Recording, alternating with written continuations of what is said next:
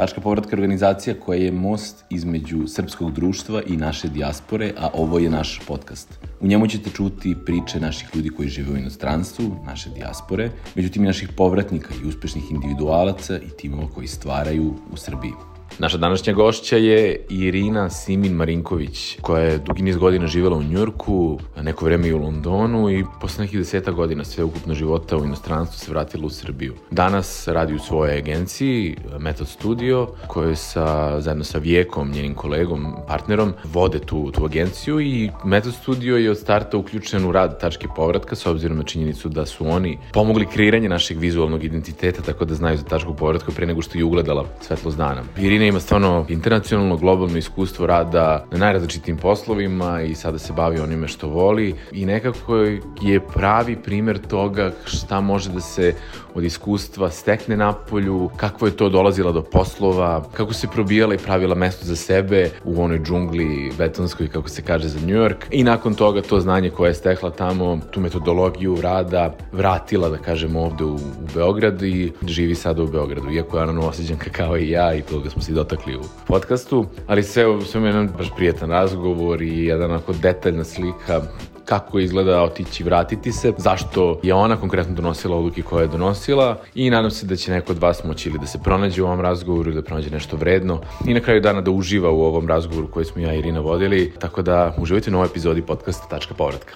Irina, dobrodošla. E, ajde da te ne predstavljam ja, mada ću to raditi svakako u opisu samog ovaj, e, videa.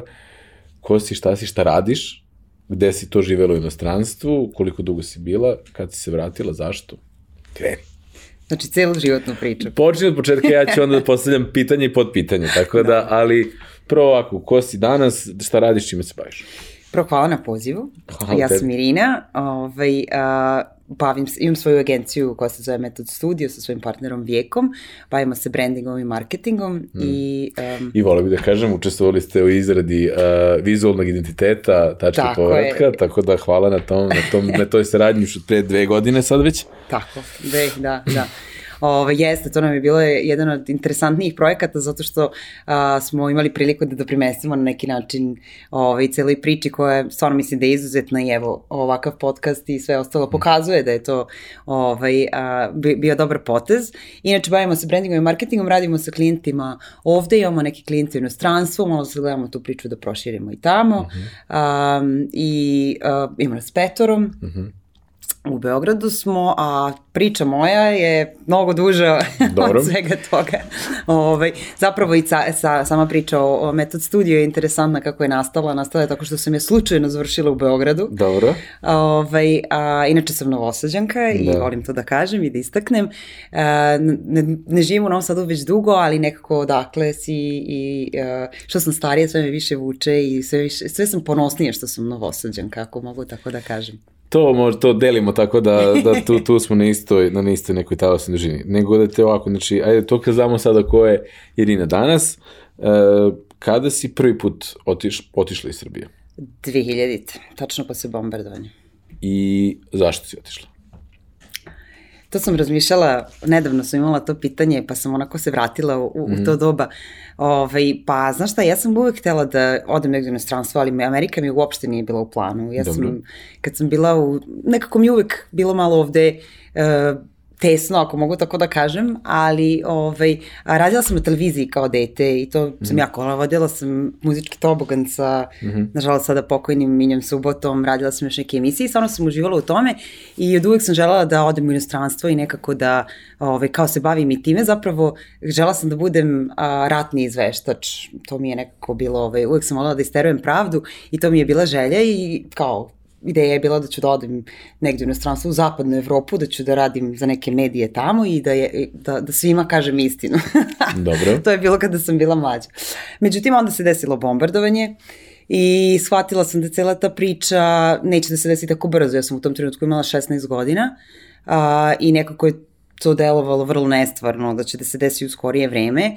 I onda se tu nametnula priča sa Amerikom i nekom mojom drugaricom koja je otišla na program razmene i vratila se i meni je to delovalo kao najbrža znači, to je, opcija. to je u principu bilo ono, četvrta godina srednje škole, Četvrta godina tako? srednje, da. I tvoja drugarica je bila to starija od tebe ili tvoje godine? Ona je bila moja godište, ali ona je otišla godinu dana ranije i vratila se i nju to nije zanimalo da ostane, ali je meni to se otvorilo kao priča gde mogu najbrže da odem. Mm -hmm. I, ovaj, I s obzirom da sam bila zainteresovana za medije i uopšte nekako Amerika je stvarno dobra sa tim, sa edukacijom oko toga, moj cilj je bio da upišem fakultet i tako se cela, tako sam ja ugledala priliku da odem. I ti znači sa 16-17 godina u stvari odlaziš gde? Odlazim na Floridu, mhm. -huh. u jedno malo mesto koje se nalazi između, između Majamija i, i Fort Lauderdale i tu sam bila u porodici smeštena godinu dana, išla sam u sre, četvrti srednji. A to je bila na lokaciji, ti nisi baš mogla puno da biraš, Ne, da? nisam uopšte mogla da biram. Da. A, jedino po čemu si mogao da utičeš gde ćeš da završiš je da po odgovorima na aplikaciji. I onda sam ja, znajući to, pisala na svako pitanje šta voliš, da volim sunce, pesak, volim plivanje. I stvarno sam plivala tamo iz srednju školu i pokušala sam da dobijem stipendiju za fakultet na to, ali malo je to sve bilo kasno. Tako da sam ovaj, imala sreće da, da završim kod uh, jedne divne gospođe Seli koja je ovaj, me je uzela na godinu dana i koja je stvarno i dan danas smo jako bliske prijateljice i, i, i družimo se i posećujemo i ona je bila ovde par puta i ja kod nje. Mm -hmm. um, tako da sam završila tamo je to četvrti srednje, ali je moj cilj bio da upišem fakultet i sve vreme sam i radila na tome da, ovaj, da upišem fakultet i da ostanem u Americi zapravo da studiram. Pre nego što pređemo na, na fakultet, uh, ja sam 2004. kao srednjoškolac otišao u, u, u, u inostranstvo i sedim se da me već i tada još uvek, iako je to bilo nekoliko godina posle bombardovanja, imala je neka, ta neka, bilo neki predrasuda o Srbiji i Srbima i to.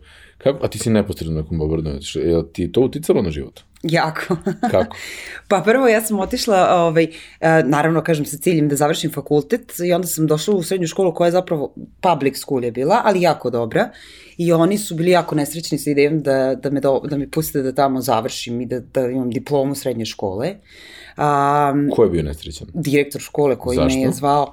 Pa nekako je to njemu bilo, mislim tamo da budemo iskreni baš nisu ni znali mnogo za Srbiju, tad još zapravo ne, nije više bila Jugoslavija, ali sam, jeste, jeste, jeste bila je bilo do ne znam koje 2000, neki put Srbija i Crna Gora, pa... E, da, ovo je već bila Srbija i Crna Gora u tom trenutku i onda je to njemu bilo to svima delovalo kao rat, kao da smo mi svi došli sa nekim, ne znam, Bog te pita kako su oni to zamišljali. Uglavnom, on je bio jako protiv toga. I ja sam malo iskoristila priliku i ja sam bila očena jer moj cilj nije bio da odem na četvrti srednje i da se vratim i da moram da ponovo idem ovde u četvrti srednje, kad je moja generacija već otišla na fakultet. Tako da sam, ovaj, um, tad se desio 5. oktobar dok sam bila tamo i to je bilo naravno svuda u medijima i ja sam malo tu priču iskoristila i seli ta divna Seli koja mi je pomogla, mi je, ovaj, a, tako da smo došli do, bukvalno do, ne opštinskog, nego na state nivou, do, do o, Floride, a, a, sa time da eto kao ne znamo šta će da se desi, da to nije fair, da ja ne mogu da završim srednju školu, da, da se to, to sve dešava kod nas i na taj način smo malo dobili ovaj, vetar u leđa, da tako mm -hmm. kažem i na kraju sam dobila diplomu Ali je bilo interesantno zato što sam ja tamo u startu um, Ra, e, bila je, bili su neki časovi koji su se zvali media i TV and media production ili tako nešto. I ja sam se na to prijavila, između ostalog je bilo na nekom opštinskom nivou televizija koja je sva, imala predstavnika iz jedne srednje škole iz, iz tog celog uh, dela. I ja se prijavim na to kao meni to bilo interesantno kao što da ne, svako može da se prijavi i oni mene odaberu da predstavljam tu školu mm -hmm. i to je bio još jedan problem koji im se nije dopao, bukvalno do te mere gde su mi rekli čekaj kao ti si juče došla, spustila kofere, kako ti misliš da predstavljaš jednu od najboljih škola na Floridi ja kažem, pa ja sam se prijavila kao i svi. I onda sam, ovaj, meni je to onako bila, bio postice da uradim nešto da im pokažem da nisu u pravu. Uh mhm. -huh. I na kraju je taj moj prilog koji sam radila za školu dobio nagradu i bio je prvi. Tako da smo na kraju te školske godine ja i taj isti direktor sedeli na nekom velikom banketu uh mhm. -huh. i gde je škola dobila nagradu, čak i neke financije, neku pomoć finansijsku za opremu i tako to, gde mi je prišao prvi put i rekao da mu je drago što sam baš ja predstavljala. Tako da je to bio neki mali uspeh i lep početak gde je i meni dalo ovaj, kako da kažem, stekla sam utisak da, da je moguće kada hoćeš i da, i da ovaj, a, i da ništa nije zapravo, jel, da, mm. da je sve moguće ako se potrudiš. A još jedna anegdota sa toga je bila da je snimanje za jednu od tih emisija bilo sa pilotima koji su učestvovali sasvim slučajno u NATO bombardovanju. Ove, da, gde zapravo je bio neki prilog kao neki aero show koji smo snimali. A, ovaj, I onda je on pričao, više smo u avion a, kao da snimamo to i onda je on rekao kako je pilot i kako je, kao dakle sam ja, ja kažem pa ja sam iz Srbije, o kao pa ja znam Srbiju, ja kažem što si kako bio? Je? Kaže da, kaže pa ja sam kao bio iznad Srbije i jo, meni je to bilo, ja kažem i kakav je osjećaj, on kao pa kao, znaš, da je njemu bilo bez veze, ali je ovaj, ali mi je rekao kao da nemaš ti tu baš neki osjećaj jer ne vidiš ti tu. Da, da. Tako da, ovaj, eto, jedna ne baš tako lepa anegdota. Uf, da, e, i dobro, i završi se neko to tvoje srednjoškolsko ovaj, iskustvo, kako si, šta se dešava sa fakultetom, gde si se prijavila, gde si otišla? Pa ja sam se baš spremala dok sam bila u srednjoj školi za to da, da upišem fakultet, ali to je meni sve bilo jako novo i nepoznato, ceo taj sistem i mm. moj engleski nije baš bio nešto kad sam došla. Ove, ovaj, tako da sam aplicirala na dosta fakulteta, a onda sam u, za novu godinu me mamine prijateljica koja je živjela u Njurku pozvala da dođem kod nje i ja sam sa celih 100 dolara u džepu otišla kod nje ovaj, da posetim York i oduševila se i zaljubila u York i onda sam shvatila da je to mesto gde hoću da budem. Tad sam se zapravo prvi put osetila slobodnom, onako zato što na Floridi si jako vezan za kola, a, zavisiš od drugih. Ja sam u tom trenutku imala 17, 18 godina ovaj, i York mi je dao tu neku slobodu koju sam osetila i onda sam shvatila da hoću tamo da idem na fakultet. Malo sam se kasnije prijavila, tako da sam zapravo uh, krenula u januaru 2002. na fakultet umesto u septembru, ali ispalo je dobro pošto se September 11 desio u septembru. Mm -hmm.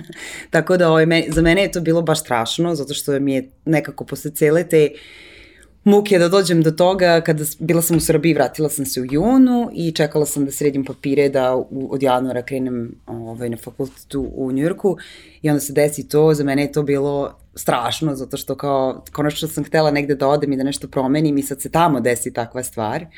Ovaj, I uticalo to na tvoju prijavu ili? Pa jeste, promenili su dosta stvari, mnogo je bio striktniji ovaj, uh, pristup i za vizu i za sve te stvari, um, čak i za to kada dođeš tamo da dobiješ, da možeš da otvoriš social security, da dobiješ za banku i sve te neke stvari, mnogo je bio rigorozniji proces, ali pošto sam ja već nekako bila u tom procesu kad je to sve započelo, onda sam nekako se valjda provukla kroz ovaj, to kroz i... Kroz uši Kroz iglene uši, da. tako je, da, da. I eto, otišla u New York u januaru 2002. počela da studiram.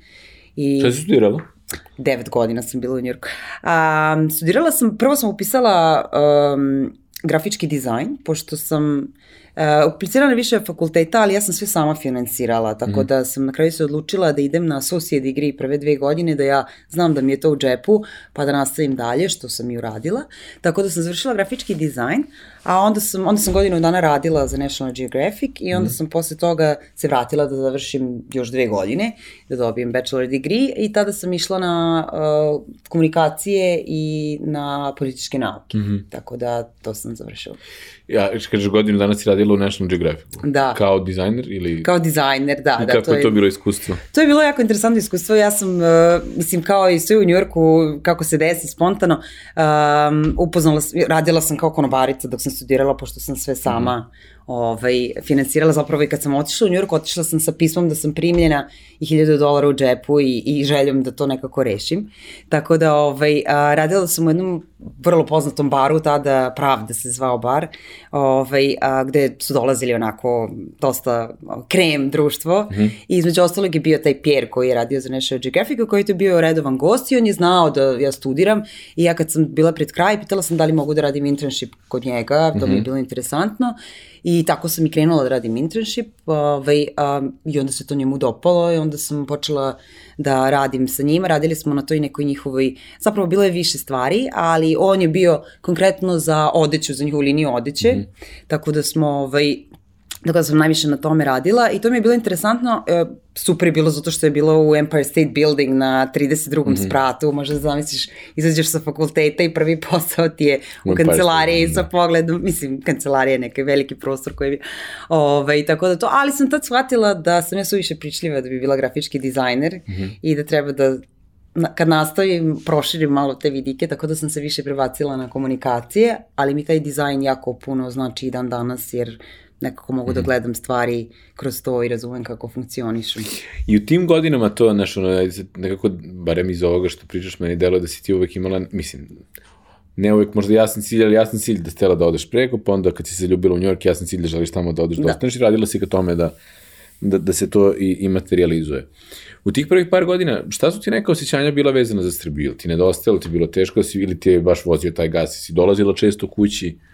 Um, naravno da mi je nedostalo, mislim, ja sam baš bila klinka kad sam otišla i mhm. stvarno nisam znala nekoga Ove, ovaj, uh, najveći šok mi je bio kad sam otišla na Floridu, zato što sam ja otišla iz gimnazije kao četvrta godina, Koji znaš, mislila sam da će da bude to sve... Išla? A, ne, išla sam u Isidora Sekulić, da. da. I, ovaj, I onako sam otišla, znaš, kako, ne znam, kao sad maturant, ono, uvek se obučeš, a tamo sam onda zapala da idem u onaj njihov školski autobus, žuti čuveni, hmm. gde idu samo prv, prva i druga godina, jer hmm. oni svi dobijaju vozačku sa 16 i niko više ne ide u tom autobusu. I to mi je bio prvi šok gde sam bila kao šta je ovo, na što ovo liči. Ovaj, a, nedostajalo mi je takođe zato što tada je još bio dial-up, mislim, malo smo starije da. generacija, nis, ja nisam se često čula s roditeljima. Vidi, ja sam, u sred, ja, sam, ja sam u srednjoj školi imao, imali smo te neki fiksni telefon, imali smo one kartice, o grab grab Tako kartice, je, imaš da, da. broj telefona, neki 0800 neki, pa okreneš šifru 500 Isto. puta, pa onda nazoveš na fiksni jer je tu jeftinije. Tako isto, da, isto. Ali sve. to je već bilo kad sam došla u New York, tako da nedostajalo mi. Mislim, jedna od lepih stvari iz tog perioda je što, su, što imam pisma ručna koje su mm. mi pisali drugari iz srednje škole, koje dan danas naravno čuvam i jedva sam čekala da dođe poštar da vidim da li je neko pisao. Ali nedostajalo mi je puno stvari. Dolazila sam svako leto. U principu imala sam jedan period kada sam menjala status i tada nisam došla dve godine i to mi je bilo katastrofa. Ali sam zapravo gledala da dođem svako leto bar na mesec dana da vidim i porodicu i prijatelji mm. i nekako me to držalo sa jedne strane jer je New York prilično surov, mm. ovaj, pogotovo kad tako odeš bez ičega i lep je zato što stvarno daje razne mogućnosti i ne, nema šta ne možeš da uradiš ako si uporan i ako hoćeš, ali je naporno, tako mm. da mi je nekako kad dođemo ovde uvek bilo prijatno i opušteno da, da ovaj, malo napunim baterije i odmorim se od tog svega. I kažeš, znači, nakon National Geographica vratila si se na fakt, završila mm. komunikacije i političke nauke. Šta se dalje dešava u tom životu?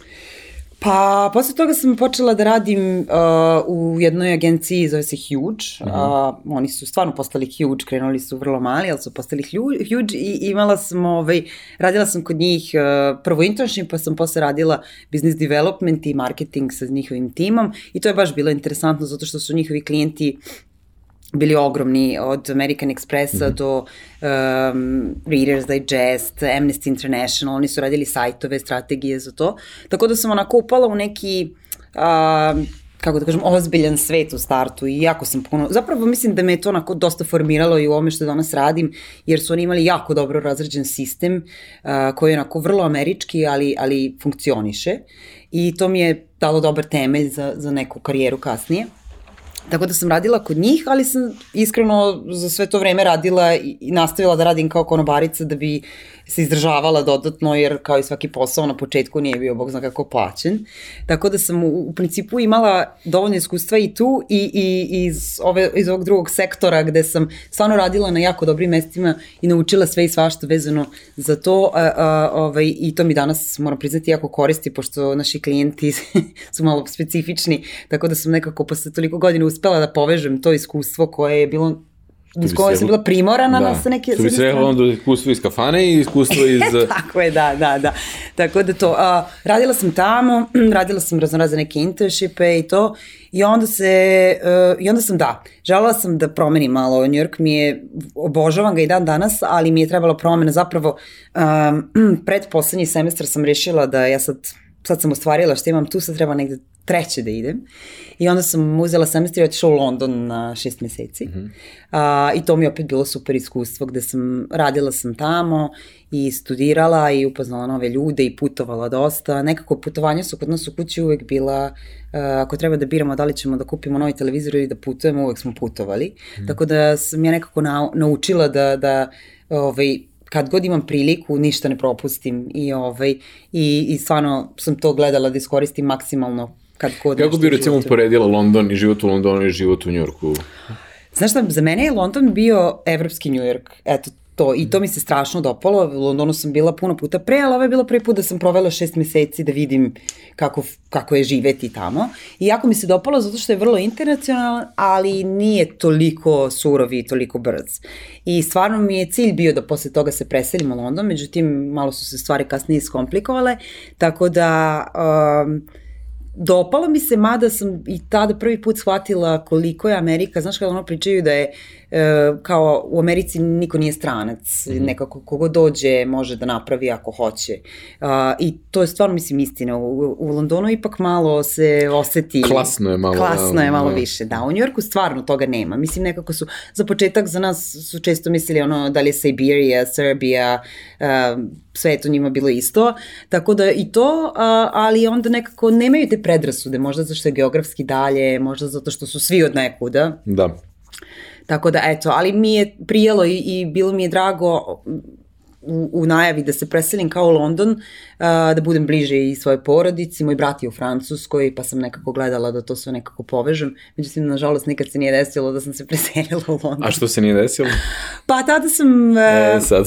e, sad, da, da.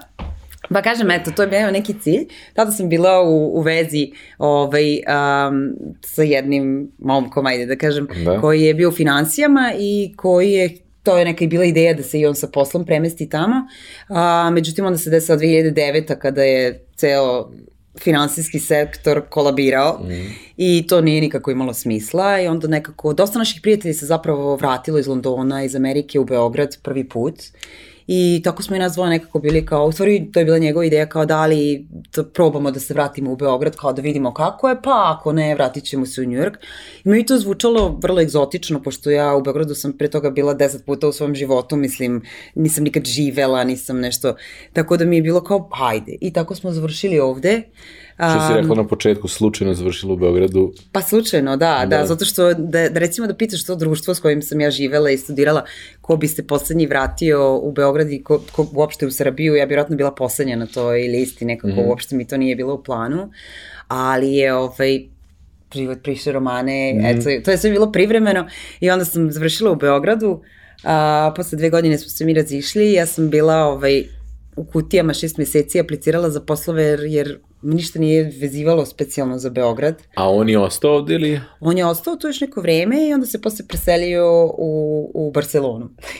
Dobro. Tako da, ovaj, a ja sam ostala tu i bila sam kao, šta ću sada? I namjerno sam sebe gurnula u taj jedan stan mali i nisam raspakovala kutije i bila sam kao, ajde da vidimo gde će i kako će da se završi A to je neka sad da govorimo 2011. 2012. 12. I ovaj, aplicirala sam za poslove svuda, bukvalno. I onda slučajno upoznam svog sadašnjeg muža koji je pa više amerikanac nego naš, da tako kažem. Da. I ostanem tu kao privremeno. I ja mislim da smo mi tek pre jedno 3-4 godine priznali sebi da to privremeno, odavno nije da. privremeno. Da. Oni, ali mislim čisto da, da bi ljudi razumeli kontekst, oni našeg porekla, ali oni rođeni u Americi. Jeste, ovde rođeni i... u Americi i ovaj, mislim živi ovde već sad kako ga, da. njega kad bi pitao, tek to bi bilo interesantno ovaj, koliko dugo živi ovde, ali e, da, mislim više je Amerikanac u tom smislu ovde, je imao svoju firmu i tako smo se upoznali slučajno ovde, ali se ispostavljamo jako puno zajedničkih stvari zato što i prijatelja i te neke pozadine gde smo oboje bili, mm. uh, praktično smo suprotni, ja sam otišla tamo, meni je to bilo novo, a njemu je ovo bilo novo kad je mm. došao i onda smo se nekako na tome našli i ovaj, um, eto ti, evo, deset godina kasnije. da. I ajde, kao sad, e, mi sad ovde pokušamo u ovom podcastu nekako da razbijemo i te neki mitovi odlazak i šta su dobre stvari, loše stvari i povratak dobre stvari, loše stvari. Kažeš, u toj uh, agenciji Huge si naučila puno toga. Kako se recimo u tvojoj agenciji danas uh -huh. uh, razlikuju procesi i operacije sa jedne strane, a kako se recimo razlikuje ta neka poslovna kultura, jer uh, tamo si govorila o nekim američkim klijentima, ti ovde uglavnom radiš sa našim, ali imaš i neki inostrani mm -hmm. klijent, tako dobro razumem. Uh, koje su tu neke razlike? Kako ti to vidiš? Kako, kako ti vidiš ta dva poslovna sveta? Koja je ista industrija, drugo, drugo je... Pa ja kad sam došla, to je bio baš kulturni šok za mene. Mm. Jer ja sam otišla sa, mislim, bez nekog iskustva radnog uh, i vratila se formirana sa, sa tim sa tom školom tamo i meni je nekako bilo logično da sve tako funkcioniše i da to hoću da primenim ovde i stalno sam nailazila uh, na komentare da ovo nije New York i da stvari ne funkcionišu tako. A, mislim, ja sam bila, kako da kažem, sad, sad to više nije tako, hvala Bogu, i puno ljudi se i vratilo i nekako je ta cela cirkulacija mnogo veća. Tada se redko ko vraćao, baš pričamo pre 12 godina. Mm. I onda nekako ljudima je naravno prvo pitanje uvek bilo zašto si se vratila. Svakome. Ovaj, tako da a, to, ja sam stvarno nekako se držala, prvo nisam ni znala drugačije da radim stvari i nekako sam verovala da je to isprava način jer sam videla šta su, ne samo u toj agenciji nego uopšte a, kako biznisi i kako posao funkcioniše tamo, da je to neki ispravan put, da ga mi možda neću da kažem ne znamo, ali da možda to što mi radimo i nije najbolje i da može drugačije. Tako da sam bila dosta uporna u tome. I sad, sad sam bila mlađa. Um, ali nekako... imaš neki tako primer, nešto kad ti kažeš kulturološki šok si doživjela, kad je nešto što te ono potpuno paučilo po glavi, ono kao, je li moguće da se ovde ovako radi? E, pa, dešavalo mi se često. Dobro. Mislim, ja sam počela da radim kao freelance kad sam došla, mm. jer nisam poznavala ništa ovde i onda sam htela malo prosto da, da imam prilike da menjam češće. I imala sam vrlo interesantne klijente, pritom to su bili ljudi koji, za koje očekuješ da, da nekako to i traže mm -hmm. i svima je to bilo jako interesantno što sam ja došla i što sam kao tamo radila to. Međutim, onda kad krenemo konkretno u posao i ja kažem pa ovo ne može tako, ovo moramo da uradimo ovim i ovim redom. Uh, I onda kao, pa nije ti ovo New York. Znači, aha, e, I ja kažem, pa znam, ali tako se rade stvari, nekako možemo mi sad to da, da, da zbrzamo i da uradimo. Mislim, radila sam baš interesantne projekte. Jedan od mojih omiljenih uh, poslova je bio za Exit, nekako mm -hmm. je to meni malo i bilo blisko ovaj, da radim i da se vratim ovaj, u Novi Sad, mada, mada sam putovala više iz Beograda tamo, ali tu, tu, tu sam radila razvoj novih tržišta i to mi je bilo super interesantno i oni su recimo bili vrlo otvorni, pošto je to mlada ekipa koja radi. A na nekim poslovima koje sam, sad ne mogu da se setim konkretno primjera, mm. baš, a ne bi baš ni da nabrajam. Ne mora, nego recimo nešto tako kao tipa, ni ne treba da, nego samo čisto oko nešto misli da možda ti padne nešto na pamet. Da, ne, ne, stalno se to dešavalo, stvarno, da. ali, ovaj, ali evo, sada, uh, ja sam nekako bila uporna u tome i, i takva sam, to sam ja, ako ti se mm. sviđa.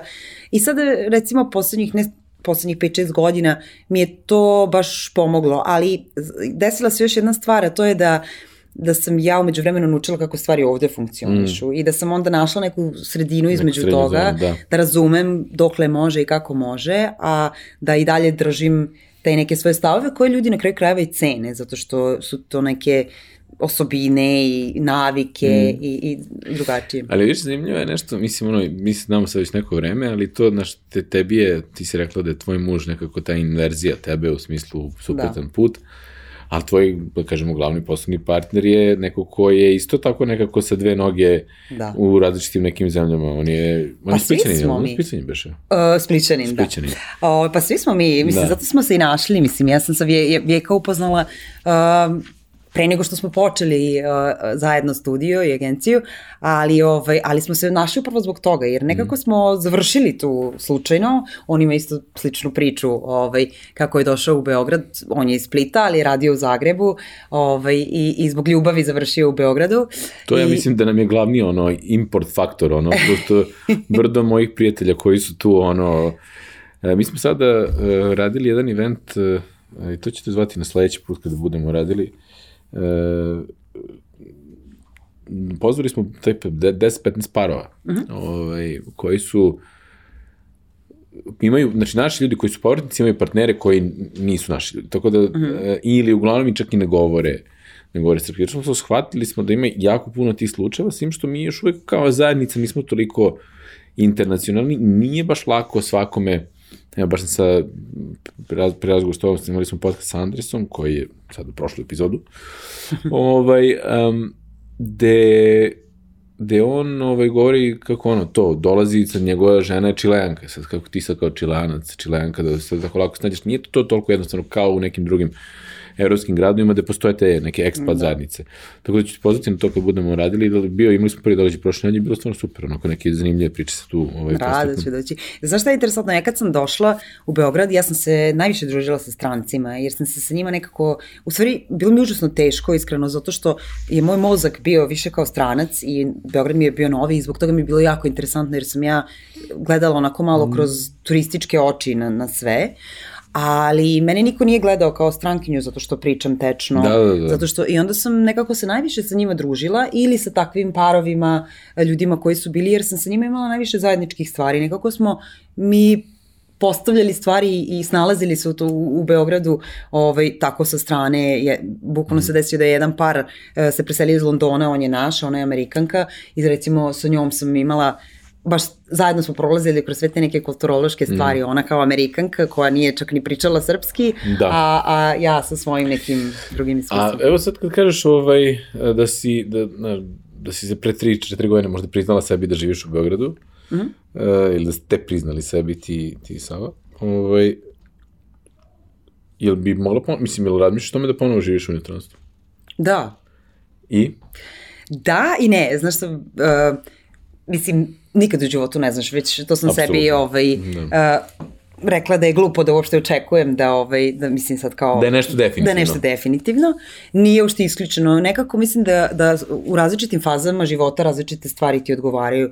Nama je u stvari u Beogradu super i da nije ne bismo bili ovde. Mm. Um, način života, sve te neke stvari uh, koje, koje ovde imaš, a tamo nemaš, su, su prednost ovde. Mm. Šta je recimo to koje što bi se dvojila kao glavnu stvar? Pa evo, uh, za mene je glavna stvar taj neki um, komoditet koji imamo ovde i neka atmosfera, opuštenost, um, nema toliko planiranja kao recimo u Americi, mm. što ovaj, odnos vremena koji imamo tamo i ovde je mnogo veći. Nekako za većinu ljudi imaš ili vreme ili novac, mm. a ovde, kako da kažem, je taj balans nekako bliži, čini mi se, ako, mm. mislim, ako postaviš stvari kako treba i mi imamo dete, tako da je meni recimo sad u ovoj fazi života e, bitnije da kad završim s poslom da, da mogu da budem sa njim, mm -hmm. a u Americi to malo surovije sve ovaj, što se toga tiče i veće su distance i nekako sve, tako da to. Druga stvar, imamo super prijatelje ovde. E, geografski je ovo savršeno mesto. Evo sada prethodne dve godine nisu baš nešto mogli da iskoristimo, zbog, ali da. to je bilo tako svuda. Ali generalno Srbija je toliko dobro povezana i na tako dobrom mestu da ti gde god da kreneš ti treba otprilike isto vremena. Da. Što je nama neka prednost, mi stvarno volimo da putujemo. Tako da, eto, uh, ljudi, atmosfera, lepo je videti kako se Beograd promenio, mm -hmm. uopšte Srbija, ovaj, od kad smo došli do, do sada, uh, baš se promenilo da, na pozitivno. Tu se da vidi da... iz polja i iznutra nekako. Da. Ali šta ti recimo najviše nedostaje? Pa nedostaje mi dosta stvari. Mislim, volim ja i tamo da odem, da se ne lažemo i ne, često ne, idem. ovaj, uh, nedostaje mi u poslu mi često nedostaje. Neka ta, kako da kažem... Relevantnost globalna možda? Da, da. Ipak smo mi ovde mnogo manje i tržište i sve što radimo na nekom manjem nivou. E, zaželim se malo te širine i malo te raznolikosti. To je jedna stvar što mi je najviše nedostajala.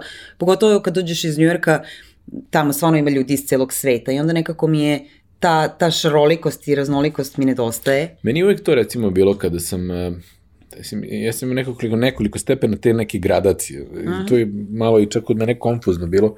Uh, jer ja sam iz Novog Sada isto otišao u ne, neko malo mesto, mislim u Lugano, koje je relativno globalno je mesto, ali malo mesto više. To je uh, čudna neki kombo. I onda sam posle toga bio u Londonu, pa sam ono, nešto sam su tu negde okolo bio i vratio sam se onda u Novi Sad, pa u Beograd, pa sam otišao na selo. Mhm. Mm Pa sam onda imao neku tu čudno, neko, imao sam osjećaj da sam zbog projekta na kom sam radio iz sela povezaniji sa svetom nego što sam bio dok sam bio u Beogradu. Mm -hmm. Ali opet na selu si, da si, pa nekako, kad god bih bio u Londonu ili u Njorku, gde, gde, gde, u Londonu sam živio, tu sam ono ostio da mi je da sam tu nekako, ne mogu kažem, na izvoru informacija. Nisam ja bio na, na mnogo drugačijim izvorom informacija. Mm -hmm. Nisam sam ja izvor informacije i sad, ali nekako znaš te neke nove tehnologije koje se primenjuju ili pa neki ti prvi servisi, bilo da je to Uber, bilo da je to da. taj osjećaj da si u stvari na nekom mestu dešavanja. Tako je, da. Pa sad onda šta ti od toga napraviš, i ja ne mogu kažem da sam ja to nešto, bog zna kako iskoristio sam bio na to mesto dešavanja, jer sam bio i klinac i, da.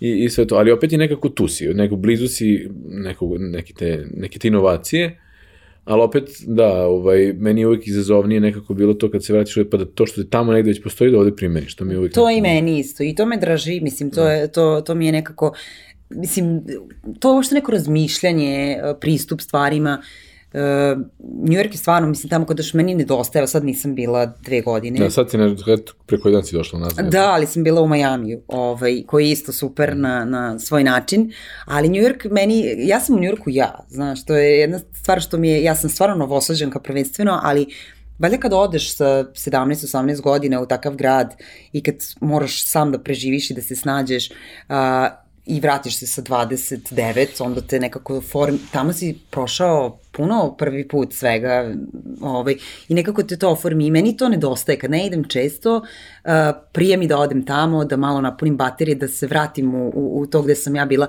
Poslednji put kad sam bila u Njujorku, to je bilo tačno pred koronu i to je bio prvi put da sam išla sama od kad imam dete i, mm i ovaj, Um, I onda sam poslednji dan kao, ha, šta mi je još ostalo da uradim?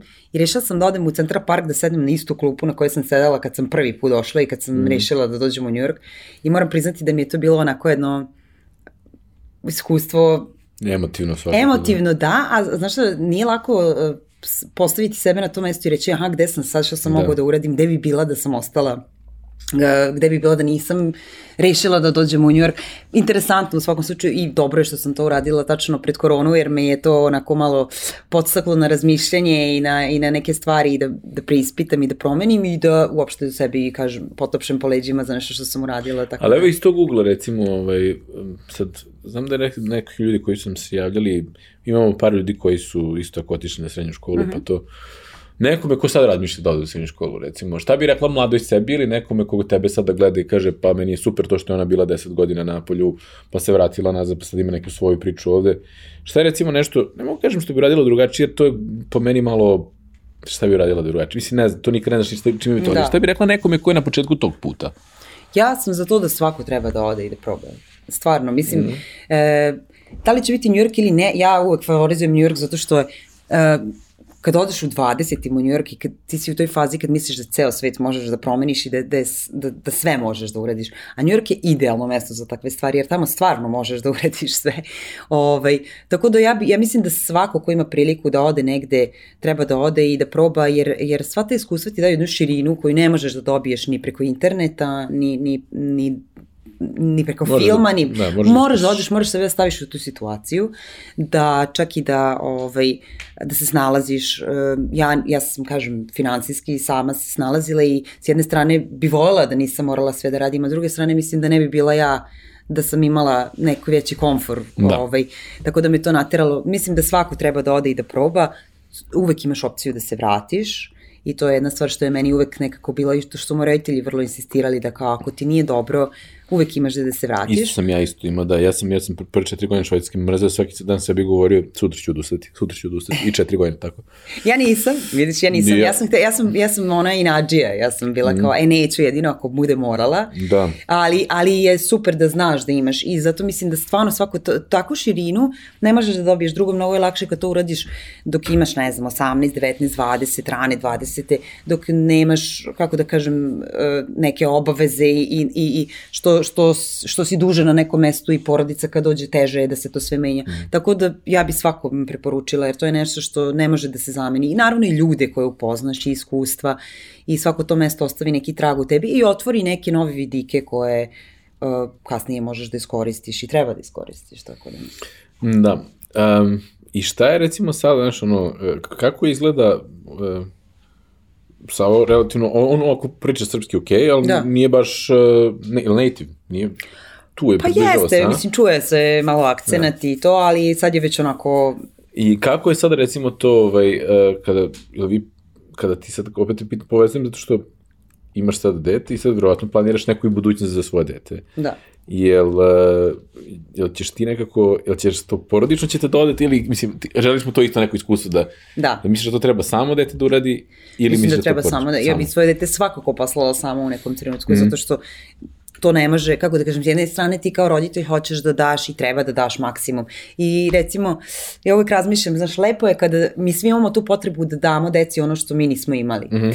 I da kao da se ne bi mučili. I ja mislim da, da će naš sin i i s mojim i sa samim iskustvom imati neminovno neke stvari koje mi nismo mhm. imali kad smo bili deca, ali to o čemu pričamo, to iskustvo, Ta to on borba. mora sam da prođe. Tako Da. da, da li će on sad ići odavde u Ameriku ili će ići u Dubaj ili će ići Kinu, u da, Kinu, da. nemam pojma, to zavisi i od njega i od gde, gde se i kako budu dešavale stvari, ali bih volela i ja stvarno mislim da ću insistirati na tome da ga u jednom trenutku kad dođe u te godine pošaljem negde da i on prođe kroz sve te stvari jer, jer ti se tada osamostališ, tad shvatiš, naučiš, ne može, stvarno ne može da se poredi. E sad, gde ćemo mi biti, Bog te pita. Da, da, da, da, Ali- to je, to je, to je drugi par rukava. Da, da. Um, imamo neka pitanja koje postavljamo Ajde. svim gostima, da, da znam da si ti onako štreberski pripremljen, ali dobro. Pa možda i nisam, vidjet ćemo. ovaj, ali bilo da kad si bila ovde ili kad si, se, kad si otišla u stvari tamo, pa ili kad si se vratila, koju knjigu si najviše puta poklonila nekom? Um, ja nemam jednu knjigu koju sam poklonila, ali imam jednu koja me oduševila, zove se The Power of Habit. Mm -hmm. I uh, napisao je um, John Duhigg se zove. Mhm. A, knjiga je super, svakom bi preporučila jer je interesantna, nije, nije tako štreberska Mhm. kao što zvuči, ali je ovaj, vrlo lepo opisana i drugo imala sam priliku da, da budem na njegovom predavanju u Bostonu na Harvardu pre 3-4 godine. A, I to je bilo jedno iskustvo koje me je, što bi rekli, ono, izvuklo me tepih ispod mm. nogu. A, taj čovjek je toliko fascinantan i toliko je napravio ovaj, dobro predavanje gde je pitao neka pitanja koja i dan danas onako kad Odzvanjaju u glavi. odzvanjaju u da. glavi, da. Tako da ta knjiga je fenomenalna, stvarno bi je preporučila i onako je miks nekih saveta i, i istraživanja zašto, kako radimo i kako to utiče na naš život. Tako da, eto, to je jedna, tu sam mm. štreberski pripremila. Da, da, da. Čitao sam knjigu, dobra je knjiga Da. i mislim da je knjiga koja treba se vraćati, zato što u stvari Jest. izgubiš navike koje, mislim, treba da napriš od toga naviku da se vraćaš toj knjigi da ne bi izgubi, knjizi da ne bi izgubi navike. Um, a drugo pitanje je to uh, da imaš magični štapić koji možeš da promeniš neku stvar u našem društvu, državi, kako šta god, šta bi to bilo ovde u Srbiji? Uf, to, um, mislim, kao pripremila sam se, ali to je baš teško pitanje. Ovaj, uh, ja bih volila da imam više tih štapića. Mm -hmm. ali recimo prva stvar koja mi pada na pamet je um, na kraju krajeva takav je i slogan na tački povratka, mm ali nisam zbog toga odabrala da to kažem. Jedna stvar koja je, ovaj, koja mislim da ovde fali je, i voljela bih da promenim, je ta neka zavist među ljudima koja se često dešava ono da komšiji crkne krava. Mm um, I meni to strašno smeta, jer kad pogledaš neke druge nacije, neke druge ljude, mislim da mi kao mali narod koji zapravo je toliko izdržljiv i, i, i prošao je kroz svašta i, i nekako je prilagodljiv svim tim situacijama, da sami sebe sputavamo u tome i voljela bih da promenim to da ljudi nekako ne gledaju samo šta ću ja da dobijem od toga, nego da se udružimo i da kažemo, ej vidi, mm. ti si super u tome, ja sam super, ajde da radimo malo više zajedno, ajde da ne bude samo tvoj interes nego moj, a, nego zajednički. Mislim da bi svi nekako bili srećni i opušteni, jer mislim da to jako puno energije uzima, jako puno um, stalno mrže se na nekom oprezu. Ali evo recimo, viš kako je to zanimljivo, um, uh, ja se tu što to apsolutno slažem i mislim da je to jedan od velikih problema ta zavist tog tipa. Ali, viš kako recimo u Americi nema te zavisti, a ljudi gledaju skoro uvek samo svoj interes. Što misliš da je to tako radi? Razumeš što ću ti kažem? Razumem, da. To nije toliko, nije toliko da kažem toksično, iako stvarno, ja bih pre rekao da su i to je moje iskustvo ljudi iz Njorka i, Da. i ostalih delova Amerike, ali pogotovo tako recimo me- mesta kao što su Njork ili, ne, ili obale generalno, ali tu je više tranzacijalno, to je kao šta ja imam od toga, Da. ali nema zavisti, a ovde ima zavisti. Što misliš da je to tako? Pa znaš šta, u Njujork recimo ima neka statistika da, da većina ljudi koja dođe u Njujork, e, da je neki prosječan vek u Njujorku 7 godina. Mm -hmm. A, zato što ljudi dođu sa nekim ciljem, znači dođu da zarade pare, da naprave karijeru, da studiraju ovo. I dođu sa tim da to ostvare i onda se vraćaju ili idu na neko treće mm mesto. A, kod nas nije takav protok, naravno, i mi to živimo. I mislim da je, nažalost, to sve poteklo od svih onih godina e, kada je stvarno bilo da preživiš i kada je stvarno moralo da se, e, ne znam da li je uvek bilo tako, da su ljudi uvek bili takvi. Mislim da je to malo i, i posledica svega kroz što smo prošli mm. i da su nekako ljudi malo kao, e, danas je tu, sutra ne znam da li će biti i da, Da. da ima toga. Um, Ne znam, meni je jedna stvar koja mi je uvek čudna bila, znaš, mislim, okej, e, naravno da su ljudi svuda na selu drugačiji nego ljudi, na gradu, ali Ja, znači, isti čovek koji, ja ovde u mojoj zgradi ne znam nikoga. Mislim, znam, neki ljudi, Da. da. javim se, čao, čao, pristojno, sve okay, ali da ja ne, ne ulazim dublje u, kako kažem, u interakcije. Dok sam živio u Kikindi, u kući moji, ono, babi i dede, svako, ja znam sve što se dešava, kuća pored, kuća preko puta, Da. da. komšija što ima, ajde se popimo kafa, ajde se popimo rakiju. Iako si ti, u, na, te, kada pomisliš, malo je, ono, ja sam fizički udaljeniji, ovaj, moram da pređem preko puta, tamo da odem, pa u neko Da. dvorište, ovom tamo, ali sam bio prisniji sa ljudima koji su živjeli u mojoj ulici, nego sada neko živi iznad ili ispod mene, ne znam ko su. Pa ne znam, možda to ima veze sa brzinom života, sa tim nekim... Znam, ali znaš, ono, isti, kažem, Da. ti, isti čovek. Ne, u pravu si, potpuno sad razmišljam zašto je to tako, ali znaš šta, u Americi imaš, znači, meni su se neke najveće promene u životu i, i uh, desile u Americi od ljudi koje sam maltene jedva poznavala, mm. koji zaista nisu imali baš nikakvog razloga da mi pomognu. Da li je to bilo da me s nekim upoznaju, da li da mi nešto učine, E, I to je recimo jedna stvar što mene tamo oduševljava, što stvarno možeš da nađeš. A s druge strane, oni su mnogo zatvoreniji u tom smislu. Mislim da ovde imaš mnogo više te spontanosti. To da, e, šta radiš ovaj vikend, ajmo. ono, Ili ili upoznali smo ono. se, pa si mi bio simpatičan preko nekog, ajde kao šta radiš sledeće nedelje. E, ta spontanost je mnogo veća ovde, Mm. a s druge strane ta zavis je opet uh, nekako moraš da. Da. se nađeš nekim ko ti nestaje na put često da bi... No, da neko bi napravi psihološki profil nas. Bilo bi interesantno, da. ja bi, ja bi prvo voljela da i učestvujem i vidim kako to, jer mi je to onako fascinantno, ali, ali mi- smeta, jer mislim da smo mi stvarno suviše mali da bi se tako ovaj, um, ponašali i da bi imali daleko bolju budućnost i, i, i sve ostalo da, da toga nema. Ja mislim da nema toga da bi individualno svakome bilo malo bolje.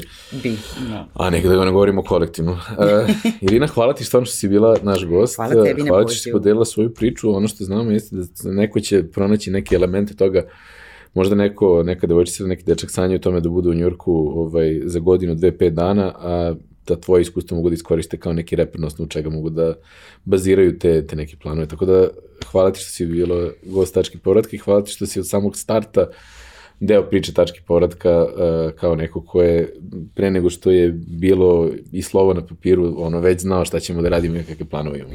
Hvala na pozivu i, i a, apsolutno zadovoljstvo je moje i, i što se tiče dolaska ovde i što se tiče tačke povratka koju stvarno znamo od nultog dana i koja se toliko razvila i, i toliko je potrebna našem društvu da bi okupila ljude ovaj, i razmenila ideje i, i, i otvorila nove mogućnosti, Da. tako da ovaj, mislim da ste... Hitting all the keywords, a? Da, pa kako je ne bi znala, ja sam, o tome sam razmišljala dosta. da. Dobro, hvala, hvala. ti puno.